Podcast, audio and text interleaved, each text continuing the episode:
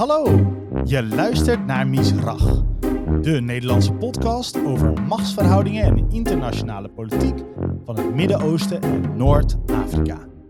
Mijn naam is Jos Hummelen en we gaan zo direct beginnen aan een gesprek dat je nergens anders hoort.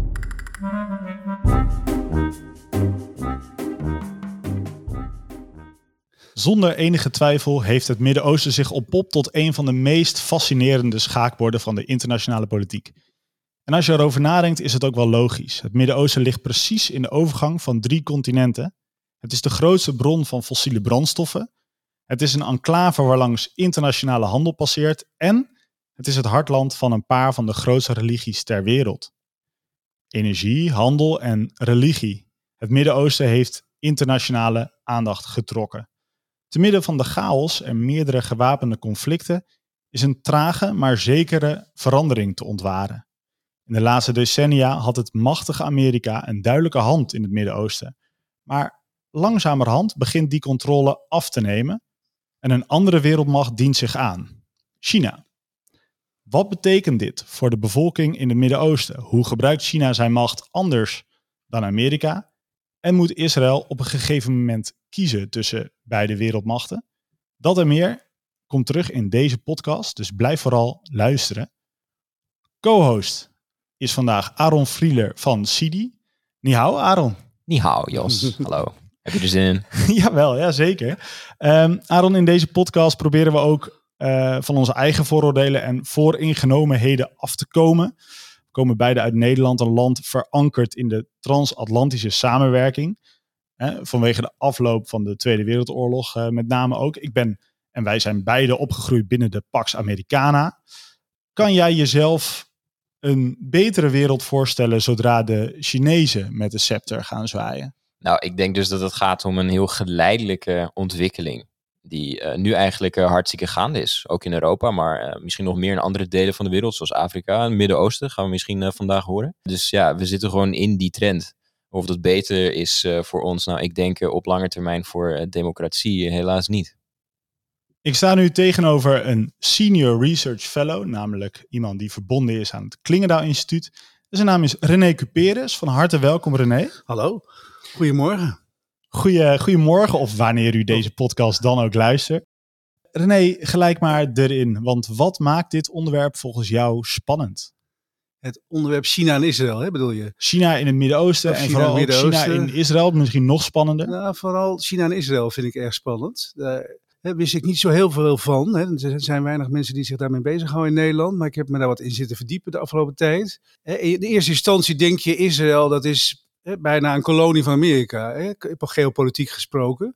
Militair, uh, economisch. Uh, maar als je daar wat meer induikt, dan zie je dat sinds de jaren negentig, vooral in de, in begin jaren 2000, dat er enorme economische, technologische, militaire relaties juist tussen China en Israël zijn ontstaan. Die ik eigenlijk niet zo voor mogelijk had gehouden. Inclusief bezoeken van de van de chefstaf van het Chinese leger, het volksleger, aan Israël, die ontvangen wordt op het hoofdkwartier van het Israëlische leger met eregarde. En, en vlootbewegingen van China in de Haifa-haven en zo. Dus dat gaat enorm ver. Ik, ik, las ook dat het grootste deel van de koosjere voedselindustrie in China zich bevindt, bijvoorbeeld. Wat ook niemand weet. Nee, dat wist ik ook niet. Dus er zitten hele duizend start-ups uit Israël hebben vestigingen in China. China dreigt de grootste buitenlandse investeerder in, Israël te worden, groter dan Amerika. Dat wordt een beetje afgeremd nu door die Abraham-akkoorden, waar we het straks nog wel over gaan hebben. Maar ik was echt gefascineerd door die verhouding tussen China en Israël. Om, om heel veel redenen. voor een deel heeft het ook ermee te maken, ook wel grappig, dat het allebei landen zijn die een beetje in de beklaagde bank zitten van de wereld hebben beide met sancties te maken. China, vooral na Tiananmen, hè, dat grote die, volks, die studentenopstand. Ja, in Hongkong. Toen kwamen er hele harde sancties vanuit de westerse wereld. Konden ze, kon China geen handel drijven met Amerika of met bondgenoten van Amerika, behalve Israël. Israël is in dat gat gesprongen, na Tiananmen. Die heeft toen enorm veel handel ontwikkeld met China, ook op het technologiegebied en op militair gebied zelfs. Dus die heeft dat vacuüm ingevuld. En ook als Israël onder, onder druk staat van sancties vanuit Europa of Amerika, dan vult China dat vacuüm in. Dus dat is heel interessant, dat ze eigenlijk elkaar daarin vinden. Ah, interessant. En is het Israëlisch-Palestijns conflict eigenlijk uh, beslissend ook voor de Chinese houding naar Israël toe? Nee, helemaal niet. Helemaal niet. Helemaal niet. Nee, voor, voor de bühne zijn ze wel, zitten ze op de officieel pro-Palestijnse lijn, zou ik maar zeggen, vanuit de Veiligheidsraad geredeneerd. Dus zij zien Oost-Jeruzalem als de hoofdstad van, het- van het nieuwe Palestijnse staat. Mhm. Zij willen Israël terug naar de grenzen van 67 officieel. Officieel. Alleen dat is meer iets voor, om de Arabische wereld te vriend te houden, voor mijn gevoel. En ondertussen zijn de banden met Israël, vooral op technologiegebied en op economisch gebied, veel sterker. Oké, dus er wordt echt naar, op, via een heel andere lens naar gekeken dan wij gewend zijn meestal. Kijk, sowieso, je moet, hè, daarom is die vergelijking Amerika-China gaat, niet, gaat een beetje mank in het Midden-Oosten, in de hele wereld eigenlijk. China is meer een geo-economische power dan een geopolitieke power. Hè, dus zij doen eigenlijk alles via, hè, dus heel slim gebruiken ze economie en technologie als hun geopolitieke wapen. Minder een politieagent, meer een handelaar. Ja, minder. Dus er, zijn, geen Chinese soldaten in het Midden-Oosten, maar er is alleen maar business. Er zijn ingenieurs, er zijn bouwvakkers die infrastructuur aanleggen. Dus eerst komt bij de economie en dan volgt misschien de politiek en, het, en de militaire macht. Maar dat is een enorm verschil met Amerika, die, zit, die daar met heel veel troepen zit en niet zo succesvol in Irak en Syrië. Deels succesvol, deels niet. China zit daar met economische power. En is daar misschien op de lange termijn wel succesvoller mee dan Amerika met zijn eh, heftige interventies. Heel erg interessant. Laten we kijken naar wat er dan in die regio gebeurt. Eh, René, we hebben het vaak over de relatie tussen Amerika en China en in mindere mate ook wel tussen China en de Europese Unie. Waarom is het belangrijk om te weten wat China doet in het Midden-Oosten? Nou ja, ik- voor de, het belangrijkste reden waarom China daar zit, heeft natuurlijk met energie te maken, met olie. Hè, 40% van de import van de olie in China komt uit het Midden-Oosten, met name Saudi-Arabië, Irak en, eh, en Kuwait, geloof ik. Ze hebben dat wel slim verdeeld. Hè. De, de andere delen van de olie-import, wat voor dat enorme land in ontwikkeling komt uit Rusland. Dat is de tweede leverancier van olie. En Angola is de derde leverancier. Dus ze hebben dat wel redelijk verdeeld hè, tussen, tussen Afrika, Rusland en het Midden-Oosten. In die zin zijn ze dus niet totaal afhankelijk van het Midden-Oosten. Maar de afhankelijkheid is toch groot. Maar is 40 procent. En in een enorm expanderende economie is dat dus enorm belangrijk. Dus vandaar dat ze ook hele goede contacten hebben met de oliestaten. Hè, met Saudi-Arabië, met de Emiraten. En ook, die gaan ook ver. Hè, die, die gaan ook heel ver in termen van die zijderoute die China ontplooit over de hele wereld. Hè, dat grote infrastructuurproject van China. Ja, kun je daar wat meer over uitleggen? Dat, dat Ja. hoor ik altijd. Als het over China gaat in het buitenland, dan is het altijd de maritieme of de landelijke zijderoute. Of de digitale zelfs. Of de hè. digitale zelfs, komen we ook Ja. nog over te spreken. Waarom is dat zo and Road? Initiative. Hè? Ja, dat is, de manier, dat is dus de geo-economische macht van China. Hè? Die doet het anders dan Amerika, die meer met militaire bondgenootschappen werkt. Hè? Zie je ook het laatste AUKUS-pact tussen Australië, Engeland en Amerika. Dat is niet Hè? tastbaar, maar wat China doet is, is wel tastbaar en zichtbaar in de regio. Ja, dat is heel zicht- zichtbaar. Dat is gewoon het kopen van havens. Of het aanleggen van havens in, in de Emiraten. Of dat is het. hè, Ze hebben ook een, dat is het enige, enige echt militaire expansionistische wat China heeft. Is een militaire basis in Djibouti. hè, aan de, wat is het, de, De hoornen van Hoorn Afrika. Dat is eh, het, tegenover de Franse en de Engelse basis. Hè, heel curieus in één. Hè, die, Hmm. die, heeft flink zitten cashen door iedereen naar een haven toe te staan. Dat is eigenlijk de enige echte militaire expansie van China. Heel on- onderontwikkeld nog. Zit niet heel veel militaire capaciteit. Maar zij, doen, zij, zij, zij leggen dus een heel netwerk aan over de wereld eigenlijk. Geo-economisch netwerk. Tot aan Tilburg. Hè. Er gaan treinen, twee keer per week gaat er een trein van eh Chengdu, geloof ik. Zo'n grote Chinese plaats die niemand kent. Naar Tilburg op en neer met containers. Maar de Rotterdamse haven is ook een Chinese Rotterdamse haven. haven, delen daarvan. eh Düsseldorf, Duisburg. Hè, dus ze zijn enorm bezig, vooral over land. Strategisch belangrijk van die zijderoute is dat, kijk, ze zijn min of meer ingesloten. Hebben we het ook samen een keer een seminar over gehad, weet je wel, zo'n filmseminar. Waarin wordt duidelijk gemaakt dat China eigenlijk omsingeld wordt door Amerikaanse basissen. In, Ja. in Japan, in Korea, in Taiwan. Toen ging het over de Ja. Zuid-Chinese zee. Dus zij kunnen heel moeilijk zich expanderen van, over zee. Want daar zitten eigenlijk allemaal vijandige bases omheen. Vandaar dat ze ook zo actief zijn in de Zuid-Chinese zee, om dat een beetje losser te krijgen. Maar hun strategische antwoord daarop is een zijderoute over land, over spoor. Allemaal dwars door het binnenland heen, naar Europa, naar Afrika, naar de rest van Azië.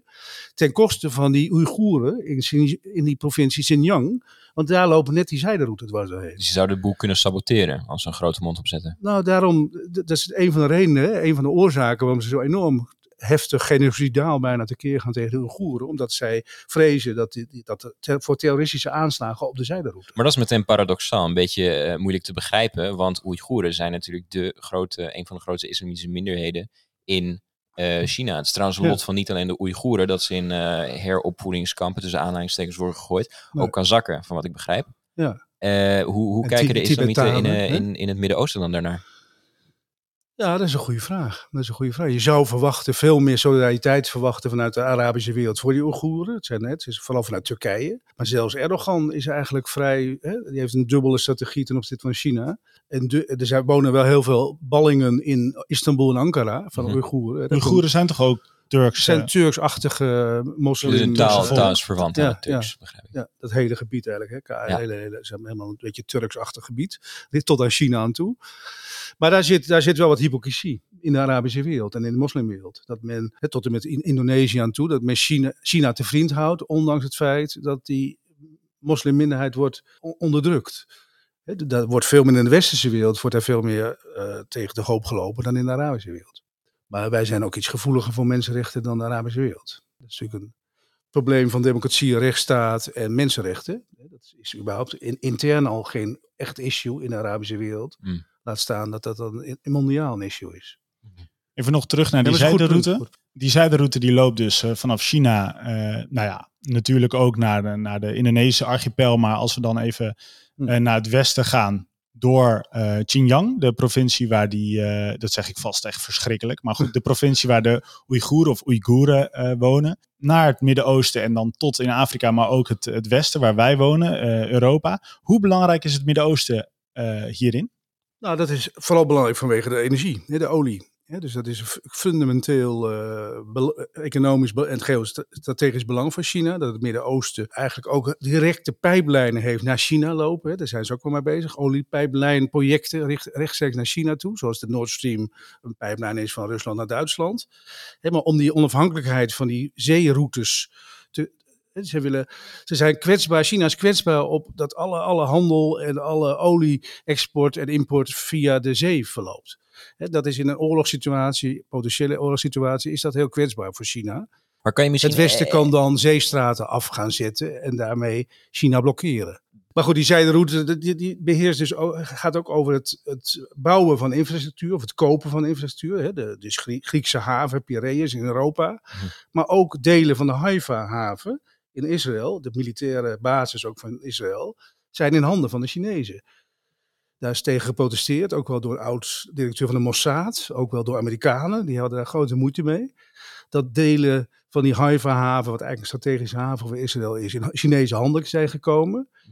En daar is ook een tegenoffensief op gekomen, heel, heel verrassend en interessant. Dat via die Abraham-akkoorden met die delen, met die Emiraten, ja. is er Arabisch geld geïnvesteerd nu in de Haifa-haven voor de Amerikaanse vloot. Dus je krijgt nu dat eigenlijk de Haifa is een soort uh, heet, uh, hoe noem je dat? Heet, heet angijzer in een nieuwe koude oorlog tussen China en Amerika. Speelt zich gewoon in, in Israël zelf af. Ja, Fascinerend. Ja. Er zit weer een stukje ironie, want net vertelde je dat China een hoop olie importeert uit de Emiraten, die vervolgens uh, deel van dat geld gaan gebruiken om in, in Haifa te investeren. Ja, ten koste van China. Ja. Er zit heel veel ironie in het Midden-Oosten, maar dat weten we. Ja, ja nu des te meer. Ja. Nadat honderden miljoenen zijn geïnvesteerd door Amerika, maar ook de Amerikaanse militaire aanwezigheid, zoals je net zei, sterk aanwezig is geweest in de regio. Steeds minder, maar nog steeds wel. Lijkt het dat Amerika de energie uit het gebied ook minder nodig heeft, zijn meer zelfvoorzienend geworden in de loop van de jaren. Daarbij komt ook dat de Amerikaanse stemmer niet meer zin lijkt te hebben in die forever wars, onder andere in, in Afghanistan, Irak. Wat, wat betekent die terugtrekkende beweging van Amerika, ondanks dat China er anders in zit, zoals je zelf zei, voor de strategie van China?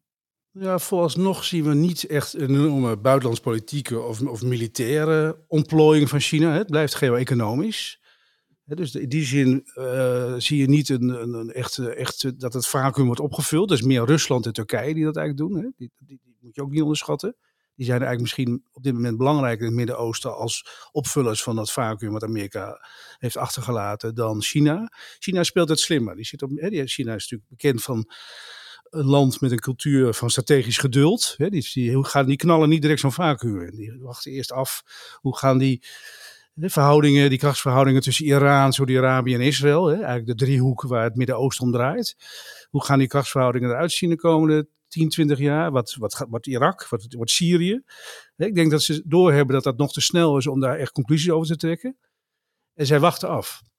Maar hebben wel hun economische belangen heel sterk uh, in, in het oog. Dus het is meer, weer, nog steeds meer geo-economisch dan geopolitiek wat ze daar doen. Aan de andere kant kan ik me voorstellen, uh, met, met het Midden-Oosten zou je wel lang kunnen afwachten van uh, hoe gaat het uh, zich uitkristalliseren en zo. Het is gewoon de hele tijd ja, gaan. Er is ontzettend veel conflict en dergelijke. Ja. Heeft, heeft China misschien meer belang dan de Verenigde Staten bij stabiliteit in het Midden-Oosten? Moeten ze niet op een gegeven moment een wat actievere rol gaan spelen? Maar hoe zie je dat voor je? Dat is niet zo duidelijk. China heeft natuurlijk, die, die heeft toch alle, die, nou ja, het slimme van, die, van China is dat ze allerlei partners tegelijk hebben. Dus Iran is een partner, Saudi-Arabië is een partner en Israël is een partner. En je zou zeggen dat kun je dan gebruiken om te bemiddelen of zo. Maar dat is, uit, Dat is absoluut niet wat eh, China doet. Dat is niet wat ze doen. Dat is niet wat ze doet. Ze, ze houden het puur bij geo-economische machtenspreiding in het Midden-Oosten. Eh, dus, dus nee, dat zie, ik, dat zie ik helemaal niet. Ze hebben natuurlijk baat bij stabiliteit, maar dat geldt voor de hele wereld en dat geldt ook voor Amerika. Hè, dus op zich was dat plan dat, wat onder die Abraham-akkoorden ligt, de filosofie daarachter, die is heel mooi. Het Midden-Oosten is natuurlijk een conflictbegebied, eeuwenlang. Maar is potentieel ook een heel, heel belangrijke potentiële bron van welvaart en groei voor de komende eeuw. Die Abraham-akkoorden, die, zover- die hadden heel mooi in, in beeld gebracht dat eigenlijk alle ingrediënten voor succes in het Midden-Oosten aanwezig zijn. Als je koppelt de technologie van Israël aan het kapitaal van de Emiraten, met het goedkope, goedkope arbeid van de Arabische wereld, heb je daar eigenlijk een nieuw China.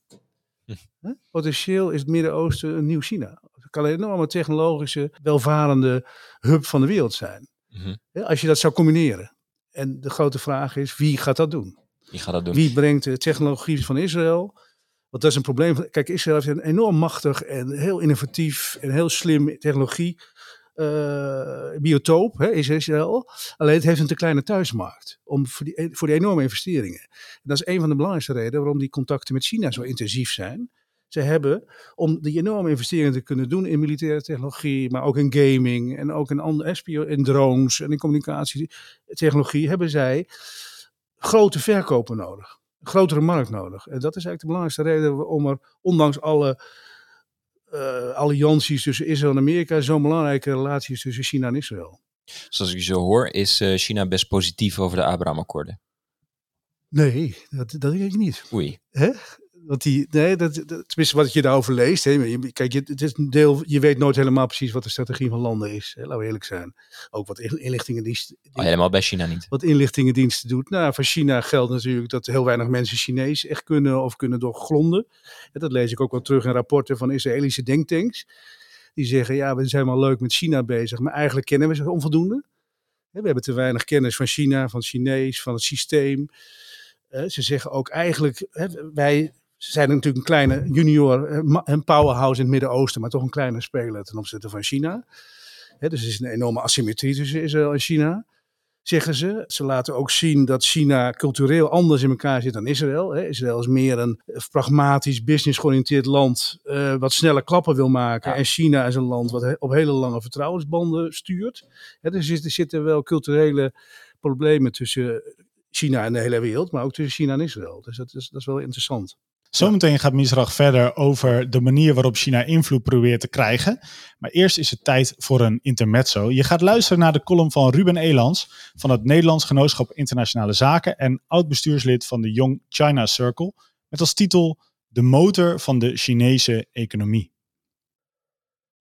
Het Midden-Oosten. Een gebied met ontelbaar verschillende gefragmenteerde groepen en stammen die complexe haat-liefdeverhoudingen met elkaar delen. Dit alles wordt nog licht ontvlambaar gemaakt door het religieuze sausje en natuurlijk de olie. Het boek Dwars door het Midden-Oosten staat al een jaar stof te happen in de kast en kijkt me uitdagend aan. Ik durf er niet aan te beginnen, het is te complex. De duiding te geven aan het complexe Midden-Oosten is gelukkig de podcast Misrach in het leven geroepen zodat ook ik mij op een veilige afstand verder kan verdiepen in het Midden-Oosten. Waarvoor dank.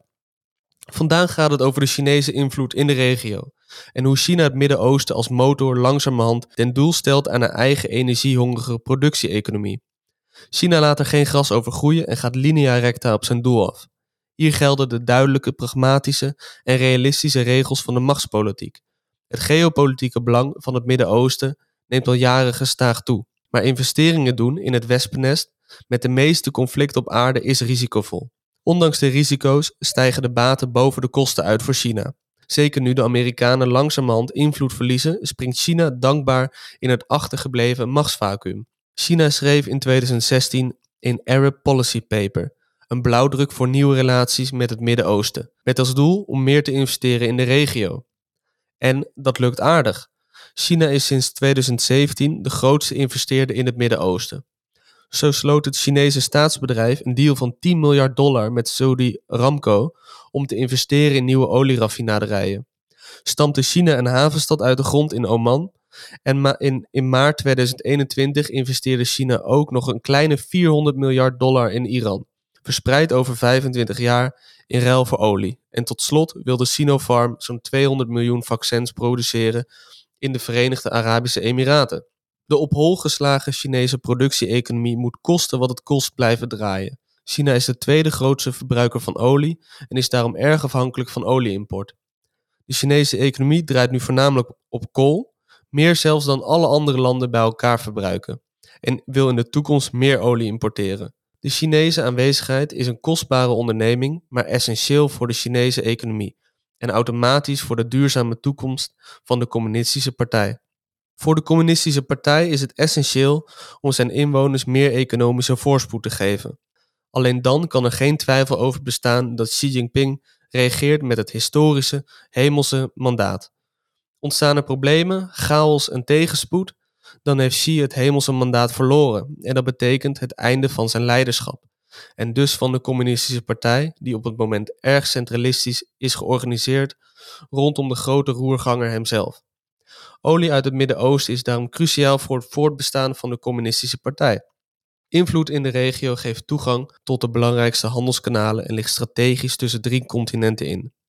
Naast de vraag naar vaccins heeft China ook, tegen het zere van Israël, een mooie afzetmarkt gevonden voor militaire technologie, zoals ballistische raketten en drones. De VS kijkt deze ontwikkelingen met argusogen aan, maar kan en wil niet meer als zelfbenoemde politieagent figureren in de regio. De verantwoordelijkheid voor stabiliteit in de regio zou volgens de VS vooral bij Saoedi-Arabië en Israël moeten liggen. Israël heeft een andere relatie met China dan veel van zijn Arabische buren. De China-Israël-relatie begon voorspoedig toen Israël het eerste land uit het Midden-Oosten was die de regering van Volksrepubliek China erkende. Maar echte diepe relaties zijn er nooit ontstaan. Zo gaf China een negatief reisadvies uit toen de VS Jeruzalem erkende als hoofdstad werd er een Joodse gemeenschap in Kaifeng gesloten en levert het natuurlijk wapens aan Arabische buurlanden. China is voor Israël de op twee na grootste handelspartner, maar heeft zijn economie niet helemaal verwikkeld met de Chinese economie. De bilaterale handel mag dan weliswaar 200 keer groter zijn dan 25 jaar geleden, het is nog steeds gering. Wel zal China Israël nog nodig kunnen hebben als duurzaamste speler in de regio. Israël wil een rap tempo verduurzamen en in 2030 al 30% van zijn uitstoot verminderen. China verwacht in 2030 de uitstootpiek te bereiken en in 2060 klimaatneutraal te zijn. Ondanks dat is het China wel gelukt om nauwe relaties met zowel Israël als omringende Arabische staten te onderhouden. Israël heeft de geopolitieke luxe dat het China wat kan afhouden en profiteert van de goede betrekkingen. Zo hield Netanyahu er in 2017 een mooie wandeltocht over de Chinese muur aan over. Ondanks dat Bennett een harder standpunt inneemt tegenover China, denk ik dat ook hij die uitnodiging nog zal krijgen. Israël is en blijft een geopolitiek zwaargewicht in de regio.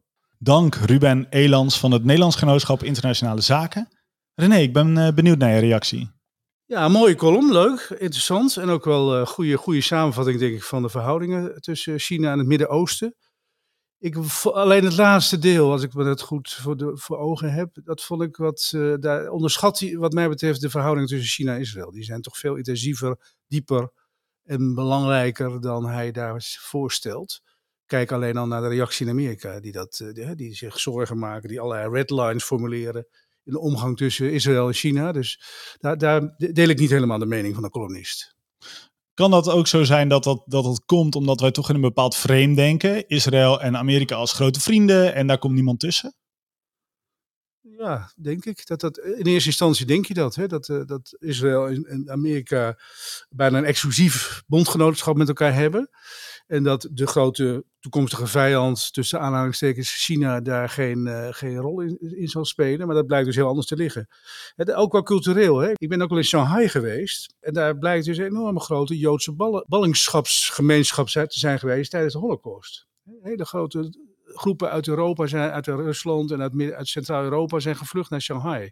dus er zijn hele oude culturele betrekkingen tussen Israël of Jood, Joodse, de Joodse wereld en de Chinese wereld. Twee oude beschavingen ook. Dus wij hebben wat dat betreft ook een te beperkt beeld van die verhoudingen. dus er zijn wel duidelijke Joods-Chinese verhoudingen. Aaron, wil jij nog reageren op de column? Uh, nou, wat ik wel interessant vond, is dat uh, Ruben het wel een beetje heeft over wat, wat volgens mij uh, een fundamenteel punt is hierin. Namelijk waar de Chinese regering, oftewel de communistische partij, zijn autoriteit überhaupt uithaalt. En dat is die continue economische voorspoed. En dat volgens mm. Ruben dan vooral dat verklaart hoe China zich verhoudt tot het Midden-Oosten. Wat ben je daarmee eens, René? Ja, daar ben ik het wel mee eens. De, de, hele legitimiteit van de communistische partij steunt op het uh, economische wereldwonder wat China heeft laten zien de afgelopen decennia. Dat moet je niet onderschatten. Wat daar gebeurd is in, in termen van armoedebestrijding, dat is nog nooit in de wereldgeschiedenis gebeurd eigenlijk. dus de hele Chinese middenklasse is schatplichtig eigenlijk aan die communistische partij dus daar, dat dus en daar speelt die olievoorziening en energiezekerheid van het Midden-Oosten speelt een belangrijke rol bij het voortduren van het economische wonder China. dus in die zin is er een relatie tussen de stabiliteit van China en de stabiliteit van die communistische partij en het Midden-Oosten. Laten we even inzoomen op de Chinese strategie in de regio. De regio is natuurlijk heel divers. Is de benadering van China ook divers? In welke blokken valt het een beetje uiteen als we naar de regio kijken?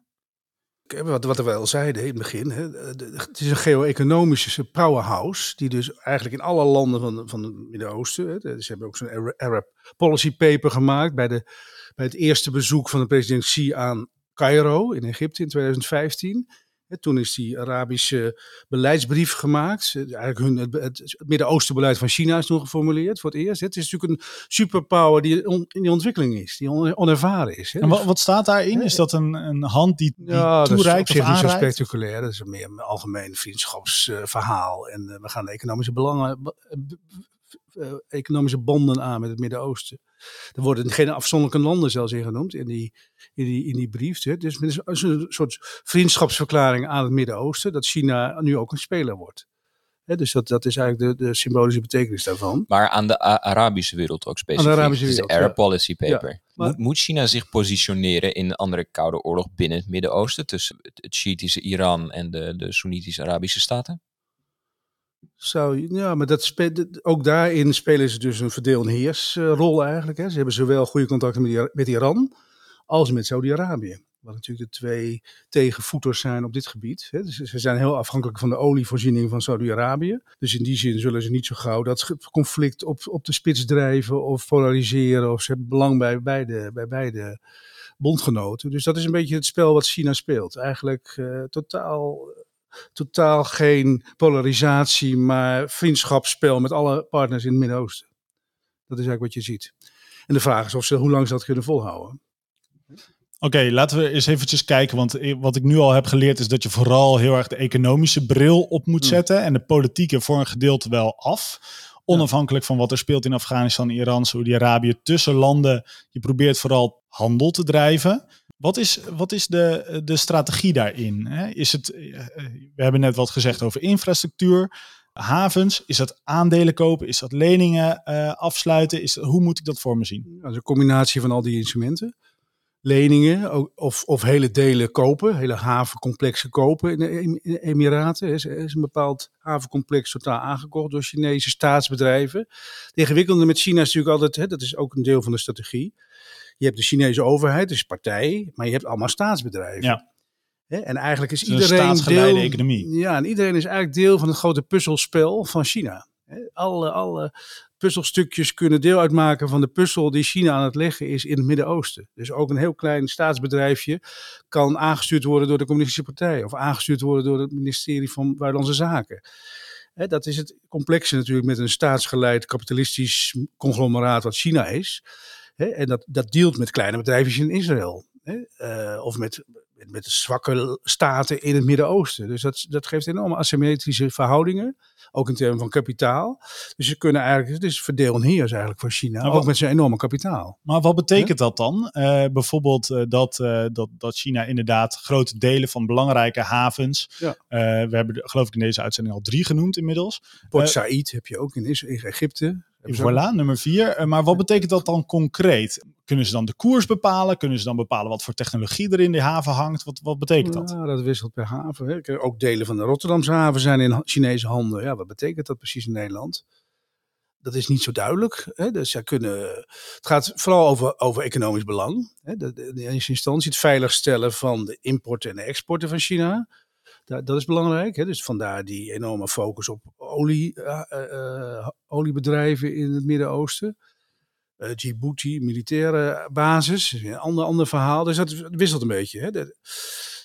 Heel vaak is die zijderoute ook minder succesvol dan wij in onze wat overspannen analyses willen laten, laten doorklinken. Heel veel van die zijderoute in Midden-Europa is mislukt. Uh, Litouwen is net afgehaakt van de zijderoute, maar ook in Tsjechië en in Polen, die allemaal belangrijke strategische spelers waren op die zijderoute, is heel veel frustratie en teleurstelling. Want die grote investeringen zijn niet gekomen. Dus het is ook soms powerplay, kijk, afwachten, een stuk haven kopen en daar vervolgens niks mee doen, maar misschien voor later. dus het is, het is heel wisselend beeld eigenlijk hoe je naar die Chinese strategieën moet kijken. Litouwen profileert zich een beetje als, als de ridder die de draak te lijf gaat. Hè? In de Europese Unie ook wel vrij uniek daarin. Zijn er ook landen binnen, binnen het Midden-Oosten die, die er veel sceptischer tegenover staan? Nee, ik, ben ik niet echt tegengekomen. Litouwen is nu de grote partner van Taiwan. Hè? Die gaan een grote chipfabriek bouwen in Litouwen nu. Dat soort landen zijn er niet in het Midden-Oosten. Maar die ken ik, nee. De enige die natuurlijk de grootste afstand politiek, militair eigenlijk heeft ten opzichte van China is natuurlijk Israël. Vanwege de, Chine de Amerikaanse banden. Daar gaan we zo meteen naar kijken. Wat kunnen de nieuwe verhoudingen in het Midden-Oosten betekenen voor het potentieel voor het oplossen van conflicten in het Midden-Oosten? We hebben het gehad over China als heel ander soort speler in het Midden-Oosten dan de Verenigde Staten. Nou, de Verenigde Staten stuurt geregeld uh, gewoon militairen. Dus uh, kan kiezen in bepaalde conflicten. Mhm. En je hebt het over China als uh, ja, heel erg afwachten, verdeel en heers en dergelijke. We hebben natuurlijk ook Rusland en Turkije nog als andere spelers. We hebben veel spelers. En eigen spelers zelf. Ja, de grote vraag hangt een beetje van je analyse van het Midden-Oosten af. Van, hè, wat, is, wat zijn de diepste oorzaken van die crisis? Is dat religie? Is dat machtsverhoudingen? Is dat dictatuur? Of is dat economie? En als je vooral op een beetje de, die sociaal-economische oorzaken zit, dan is het natuurlijk de welvaart die China potentieel kan brengen in het Midden-Oosten, kan een van de oplossingen zijn voor conflicten op lange termijn. Dat zien we ook een beetje in Afrika gebeuren. We kunnen heel dubbelzinnig naar China, de Chinese invloed in Afrika kijken. Maar misschien komt Afrika wel verder met die Chinese hulp dan met die genderhulp van het westerse ontwikkelingssamenwerking. Wat doe je met genderhulp? Nou ja, alleen maar focus op vrouwenrechten in Afrika. Terwijl ze misschien spoorlijnen nodig hebben in havens. Hmm. In plaats van vrouwenrechten of homorechten. Ook, ook interessant, maar is misschien niet op de Maslow-schaal het eerste waar je aan denkt in een, in een land dat wat niet ontwikkeld is. Dus dat is de grote vraag. Brengt China economische welvaart en stabiliteit in, in het Midden-Oosten? Dan zou dat heel interessant kunnen zijn voor de conflictoplossingscapaciteit op lange termijn. Dus materieel en economisch, uh, daar zitten soms duidelijke verschillen. Hè? China doet gewoon zaken, stelt geen vragen. En uh, de Verenigde Staten, nou ja, of uh, het Westen heeft soms dat gender, zoals we het nu eventjes cynisch samenvatten. Of mensenrechten. Maar, of mensenrechten, dat is natuurlijk ja, ook, ook, ja. ook zo'n ding dat soms niet, niet geheel terecht wordt toegepast. Aan de andere kant wordt ook wel eens gesteld dat de Verenigde Staten het Westen in het algemeen, anders dan China, die hebben bondgenoten. Die hebben relaties met, met landen, met andere delen van de wereld, die verder gaan dan alleen dat, dan alleen de zakelijke uh, relatie. Terwijl dat bij China het geval zou zijn. China heeft vooral zakenpartners, maar niet echt vrienden. Zie je dat ook in het Ja, Midden-Oosten? Dat is, dat is een goed, goed punt. Dat is een van de grootste tekortkomingen van het huidige China nog. Hè. Dat zijn hele, geen, ze hebben weinig soft power, weinig culturele invloed in Europa. Hè. Dus jouw, jouw eerste vraag, zou je kunnen leven onder een, in een wereld waar de Chinezen de baas zijn? Ja, het is onduidelijk wat dat cultureel brengt. Misschien hebben ze zelfs negatieve soft, power gezien wat, wat er gebeurt met de Ja. Oeigoeren. Nou, nee, zeker. Dat, ja, maar goed, Amerika heeft ook negatieve soft power. Als je ziet de Capitol Hill bestorming. Hè. Dus, dus die democratie. Begrijpelijk. Hè?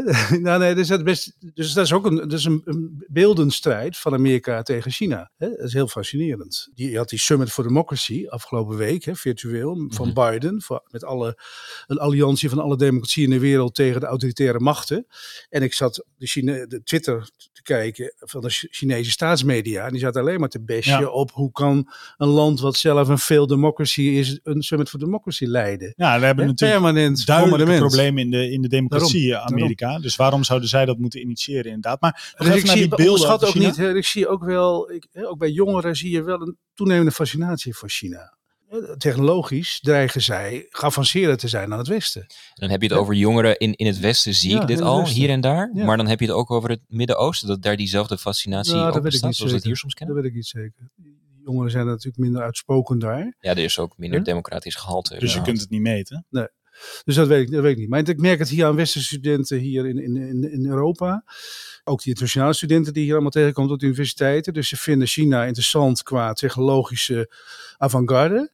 Maar ook wel, dat zie je ook wel, dat men in toenemende mate, en dat vind ik een zorgelijke ontwikkeling bij jongeren, dat men eigenlijk democratie begint te associëren met chaos, traagheid, verwarring. Hè, zie Nederland met zijn formatie van eh, meer dan een jaar. Hè, of Amerika, Capitol Hill. Ook in de coronacrisis, dus de, de, de enorme doortastendheid van die autoritaire modellen ten opzichte van de democratische modellen misschien. Dat dus we zitten in een wereld waarin op die democratieën, liberale democratieën, zich op, opnieuw moeten bewijzen. Die moeten leveren, die moeten efficiënt zijn en die moeten competitief zijn. En dat is in die wedstrijd zitten we.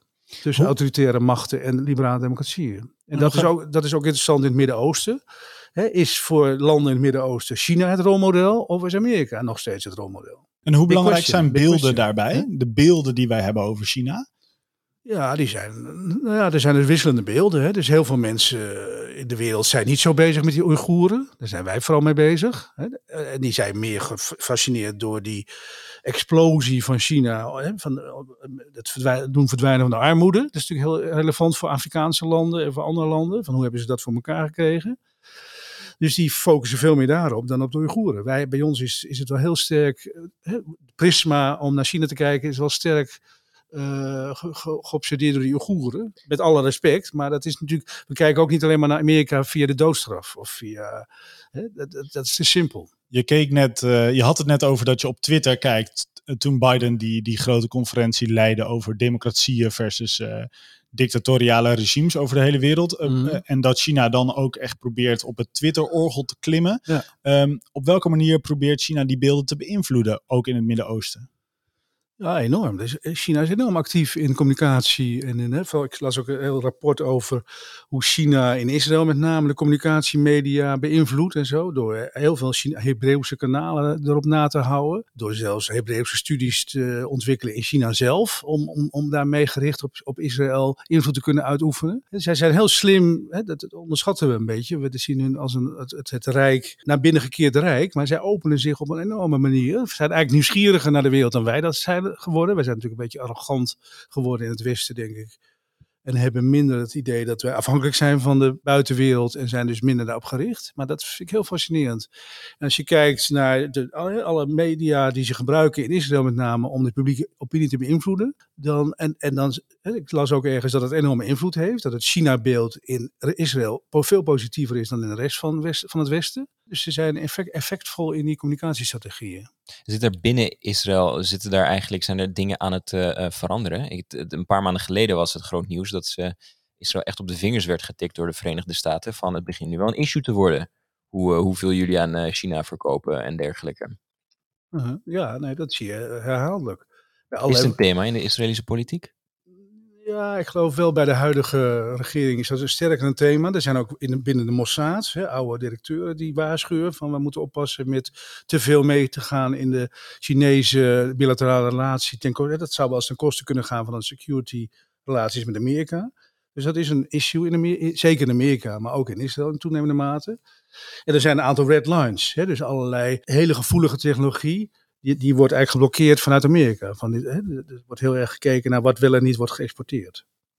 En nog even over die beelden en die cultuur, die, die strijd, maar zo mag ik het misschien niet noemen, speelt, spelen het opbouwen of het oprichten van Confucius-instituten eh, daar ook een rol in? Peelden, hè, die zijn eigenlijk bijna allemaal, worden allemaal gesloten. Hè, kijk, dat het algemeen probleem was dat zowel in Israël, hè, dat zie je nu ook wel, en, en, in, en in de wereld als geheel, een tamelijk geopolitieke naïviteit ten opzichte van China bestond. ook Israël is vijf ver meegegaan met, met leverantie van technologie waarvan ze nu misschien spijt hebben. Ja. Uh, en hebben ook westerse technologie uit, uitgevent, zeg maar. Daar zie je wel rapporten van in Amerika. Dat ben echt, ze wilden ook AWACS-systemen en Patriot-raketten wilden ze ook allemaal uh, exporteren. Daar heeft Amerika allemaal heeft het geblokkeerd. Uh, dus in die zin zie je dat die naïviteit ten opzichte van China...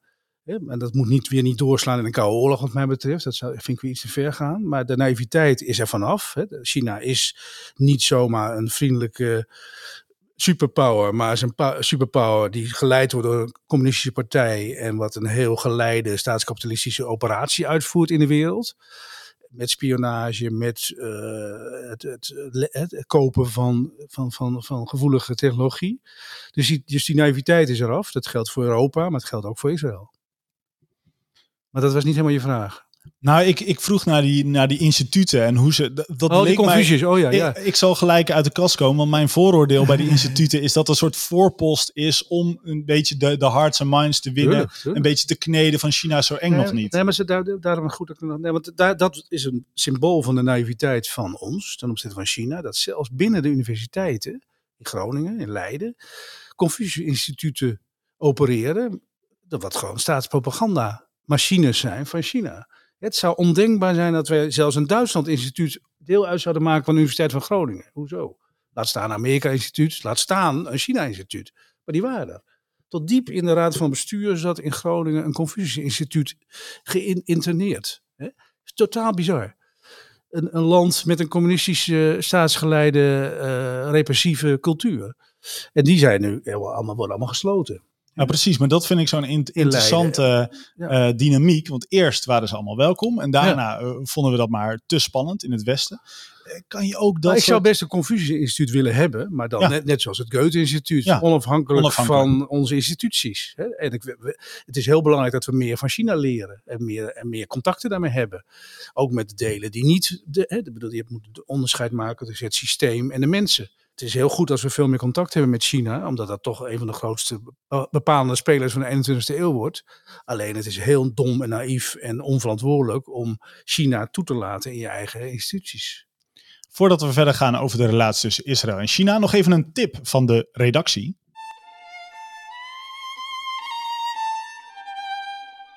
Niets is zo hemeltergend als een ongefundeerde, sterke mening. Kennis is enorm belangrijk, zeker als het over complexe issues gaat. Al ruim 30 jaar biedt Sidi colleges aan over het Midden-Oosten met een speciaal oog voor Israël. Zo vergroten we kennis en brengen het debat naar een rationeel niveau. De reeks van 2022 staat voor de deur en belooft zeer interessant en leerzaam te worden voor studenten, docenten en iedereen die geïnteresseerd is in geschiedenis en politiek. Kijk op cidi.nl slash agenda en noteer het meteen in je eigen agenda.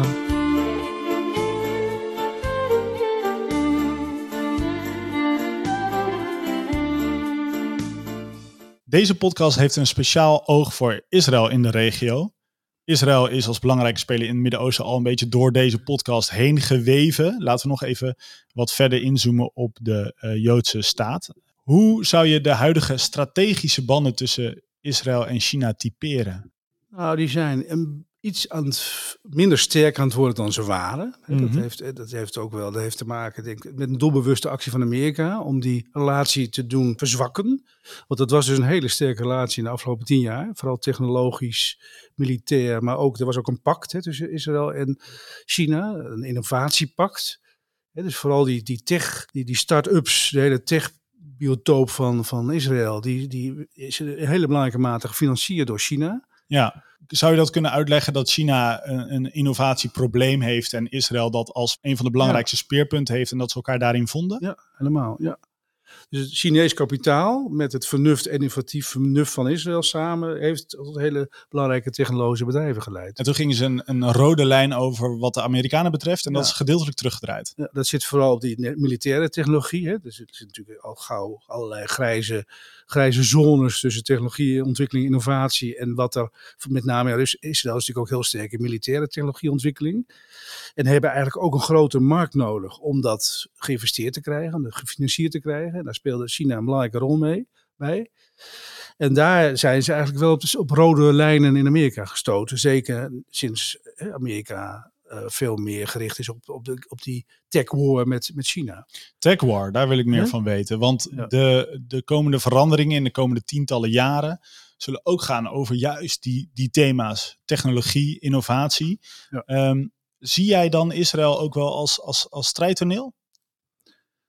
Ja, dat is het nu. Dat is echt een strijdtoneel. Dat is natuurlijk echt, echt de avant-garde in de wereld op technologieontwikkeling en op militaire technologieontwikkeling. En dat wordt deels gefinancierd vanuit Amerika, deels vanuit China. En dat is armpje drukken, wie, wie het meeste kapitaal brengt op het juiste moment met de juiste partners. En, en daar spelen natuurlijk die allianties en bondgenootschappen tussen Amerika en Israël. Die zullen op gepaste tijden, zal dat, met chantage, zal dat gebruikt worden.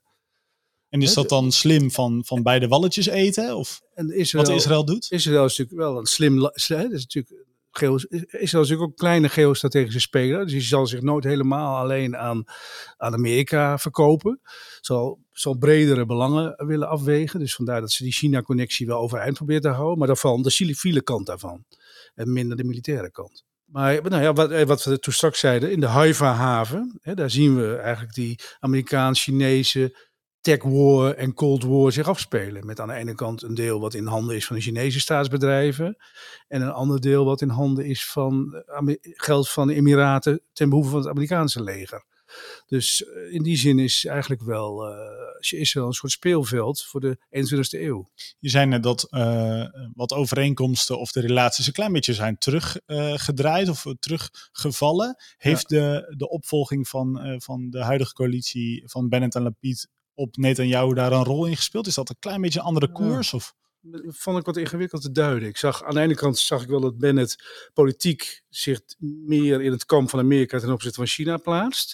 Ik zag ook wel ergens voorbij komen dat hij minister van Economische Zaken was en toen juist heel veel intensieve contacten met China onderhield als minister van Economische Zaken. Dus hè, daar zie je weer het verschil tussen business en politiek.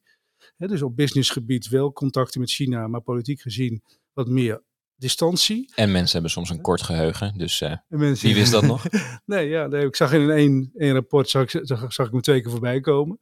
Eén keer als pleitbezorger van Chinese-Israëlische betrekkingen en daarna wat minder. Maar het heeft ook te maken met de veranderingen. Hè. Sinds sinds tien of vijf jaar eigenlijk zien we dat eh, die pivot to Asia van Amerika veel meer doorwerkt. En ook eigenlijk in Europa doorwerkt. Dus daarom vind ik deze uitzending ook wel belangrijk. En Wil ik heel even uitleggen. De Oh. pivot to Asia, ingezet door volgens mij Obama. en dat is ja. meer de blik op Azië dan naar de andere kant van de Atlantische Oceaan, namelijk op Europa. Zo is dat. Heel Ja. goed uitgelegd. Maar wat wil ik nou zeggen? Je zei, daarom is deze podcast ook belangrijk. Oh ja. Nou, kijk, heel veel. Dit, de, de, groot, de 21e eeuw gaat natuurlijk over, ga- gaat over de bipolaire wereldorde tussen China en Amerika. En daarom is Israël zo interessant, met andere landen, ook Singapore en zo, omdat dat zijn landen die eigenlijk niet willen kiezen. Hè, of die onder druk staan van beide superpowers. Hè, dat gold voor Aust- Australië, die heeft nu wel gekozen, definitief, voor het Amerikaanse kamp. Ja, met Hè? het AUKUS Pact. Met het AUKUS-pact. eh, maar was heel sterk. Heel, hele sterke bilaterale verhoudingen met China. Maar die, zijn daar, die voelden zich meer eh, onder druk bijna door China. Met via spionage en, en repressie. Dan dat ze dat als een gelijke partner zagen. Dus die hebben eieren voor hun geld gekozen. En hebben, zitten nu dat ook eens pakt. En Israël is ook een interessant land wat eigenlijk probeert te balanceren tussen aan de ene kant de militaire, politieke bondgenootschap in Amerika en de business en technologiecontacten met China. En dat geldt voor alle landen in Azië eigenlijk. Hè? Ook voor Singapore en voor Vietnam en voor Indonesië. Die zitten allemaal tussen die Amerikaans-Chinese cleavage in. En dat geldt in toenemende mate ook voor West-Europa, voor Duitsland. Hè? Gaat Duitsland, kan hij nog zo'n enorme intensieve verhoudingen met China zich veroorloven? Of moeten we ooit gaan kiezen tussen Amerika en China? En daar komt die strategische autonomieagenda van Macron en de Duitsers uit voort. Hè? Europa moet tussen die twee kampen een eigen positie afbakenen en formuleren. En voor Israël geldt eigenlijk dezelfde soort klempositie. Van, moeten we helemaal kiezen in die koude oorlog tussen China en Amerika... of kunnen we eigenlijk beide kanalen open houden?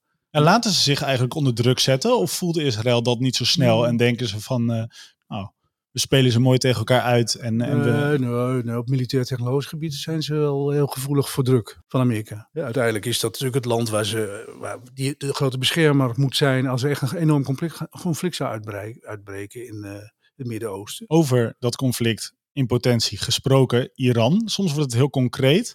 Ja. Uh, en soms is het helaas niet alleen maar economie, maar uh, ook en vooral politiek.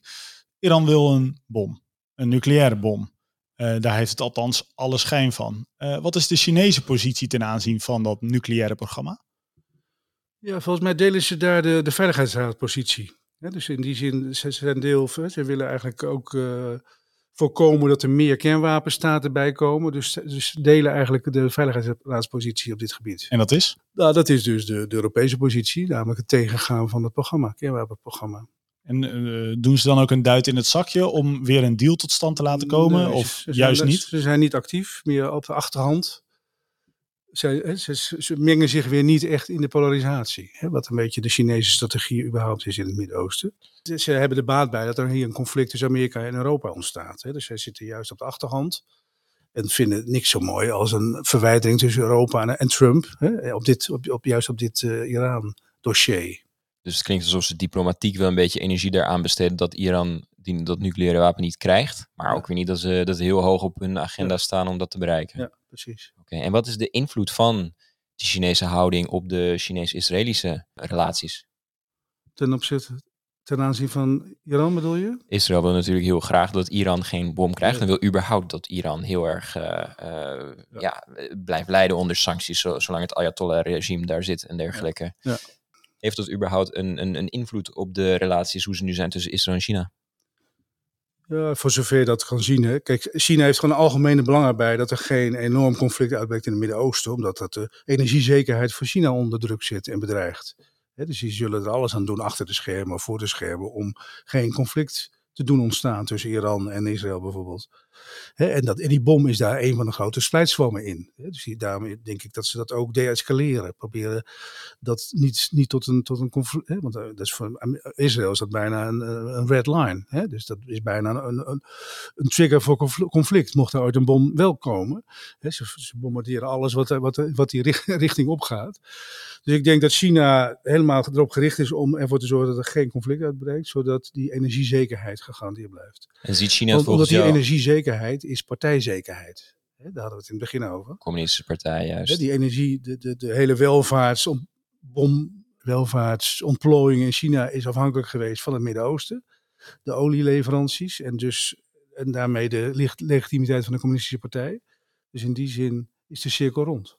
Je hebt heel veel context gegeven, René, dank daarvoor. Maar ik wil eindigen met een zwart-wit vraag. Mijn vraag is eigenlijk, moet Israël, denk je, op een gegeven moment toch kiezen tussen uh, bondgenoot Amerika op dit moment of de aanstormende Aziatische gigant? Vind ik niet zo'n moeilijke zwart-wit vraag. Want dat geldt ook voor Europa. Maar ik vind, hè, van, gelet op die Summit for Democracy, dat wil dat, dat, dat voor de hand ligt dat Israël, maar ook West-Europa, als we echt gesteld worden voor die keuze Amerika of China, dat ze blijven kiezen voor Amerika. Omdat dat ondanks alle feilen van Amerika toch de aanvoerder van de liberaal-democratische wereld blijft. En dat geldt ook voor Israël. Uiteindelijk is dat natuurlijk de enige democratie in het Midden-Oosten en heeft dus sterke banden met en Europa en met Amerika. Wereldmachten zijn op zichzelf gezien op zijn zacht gezegd nooit feilloos. Doen ze daar ook goed aan, denk je? Aan die keuze? Kijk, het is ook een. Hè, ik, we moeten denk ik oppassen om in het frame van die Koude Oorlog terecht te komen. Hè. Dat geldt ook voor Europa, geldt ook voor Israël. Hè. De, de grote vraag is hoe we een faire plaats kunnen toewijzen aan China. China is natuurlijk een enorm opkomende macht. Die moet ergens moet die zijn plek in die nieuwe wereldorde vinden. Liefst niet als communistische repressieve staat, maar dat is ook de vraag of dat voor eeuwig is, dat weten we niet. Hè. Maar China heeft natuurlijk zijn, zijn rol eh, op te eisen in de wereld. En ik denk dat we daar rekening mee moeten houden. En dat we moeten bepalen wat, wat de red lines zijn. Wat je, wat je wel doet met China, wat je niet doet met China. Maar een totale blokkade van China. Alsof het een nieuwe koude oorlog is. Daarvoor is deze wereld ook veel te veel interconnected geraakt. Heel erg vervlochten. Het is wel interessant dat je dat zegt, want volgens mij had je eerder in de uitzending zelf eh, de term Koude Oorlog eh, gebruikt. Dus eh, misschien ben ik onbewust een beetje in dat frame gekomen en nu help je me er weer uit. Oké, heel Dus dat goed. is wel een goede. Heb je een alternatief misschien voor die term die we zouden moeten gebruiken in deze discussie? Het slappe woord van, van buitenlandse zaken is natuurlijk multilateralisme. Hè? Dat is een lelijk woord.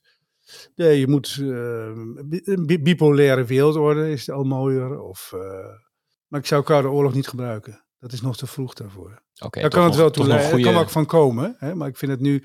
Het is een self-fulfilling prophecy als we alleen maar in termen van Koude Oorlog gaan denken. Ja, ja, nee, de, de, Dan wordt het vanzelf, Ja. bedoel je? Ja. Toch nog een belangrijke noot. Aaron, naast dat we eh, andere termen moeten gaan gebruiken, wat is het ding wat jij meeneemt uit deze aflevering van Misrach? Ja, dat ten eerste inderdaad. Alsof alvast heel concreet en eh, heel, eh, heel nuttig, denk ik. Niet hebben over Koude Oorlog, want dan begrijpen we het verkeerd. Maar ehm, ja, ik, vond, het- ik ben het eens met René. Volgens, volgens mij een heel eh, belangrijke, relevante uitzending. Het is een, een eh, belangrijk onderwerp. Het is natuurlijk heel invloedrijk, de rol van China in het Midden-Oosten. Maar we hebben ook een eh, paar vragen in het midden laten liggen. Dus bijvoorbeeld de vraag van... ja, landen moeten op een gegeven moment gaan kiezen. En gaan ze kiezen tussen, tussen het blok van de VS, een blok van, van China, zoals we al hebben gezien met Australië. En dat gaan we dus meer zien, ook met Israël. En ja, hoe gaat dat zich uitkristalliseren? Of eh, hoe lang gaat China vasthouden? Hebben we ook gevraagd. Hoe, hoe lang kan China volhouden dat ze die verdeel- en heerstactiek kunnen eh, toepassen op bepaalde conflicten in het Midden-Oosten? En een beetje, een beetje toekijken, iedereen te vriend houden. Dat vind ik wel een interessante om te blijven volgen. Laatste vraag, René. Eh, stel dat Amerika inderdaad niet meer de rol als politieagent in de regio wil spelen en China steeds meer komt. Een beetje een afsluitende, afrondende vraag. Eh, de mensen in het Midden-Oosten, zijn die beter af? Met China dan met Amerika. Wat is jouw prisma? Hoe bekijk je dat? Ja. Nou, ik ben wel een Amerika-fan. Alleen je kunt je best wel, hè, dus dat is, daarom vind ik het wel lastig. Maar je kunt je afvragen hoe productief die oorlogen zijn geweest in Irak en Syrië. Hè. Dat is wel een enorme heftige interventie geweest in die, in die verhoudingen.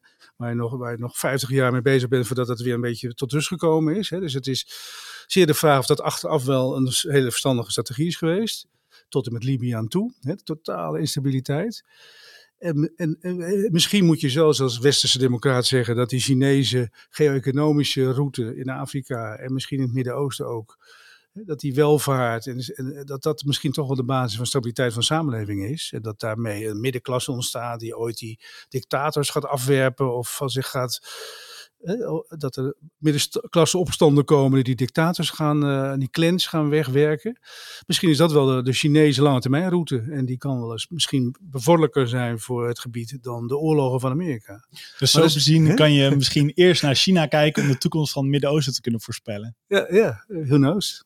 Daarmee komen we aan het einde van deze aflevering van Misrach. Speciale dank aan onze gast voor vandaag, René Cuperus, als Senior Research Fellow verbonden aan het Klingendaal Instituut. Volgende keer krijgt u het Knesset jaaroverzicht uitgeserveerd van Ralf Dekkers, correspondent van De Telegraaf. Dus tot de volgende keer. Bedankt voor het luisteren naar deze aflevering. We willen de positie van Israël in de regio beter begrijpen en vandaag hebben we daar weer een stap in gezet. Vind Misrach op Spotify of je favoriete podcast app of ga naar ons moederschip sidi.nl. Raad deze podcast aan bij familie en vrienden. Tot de volgende keer.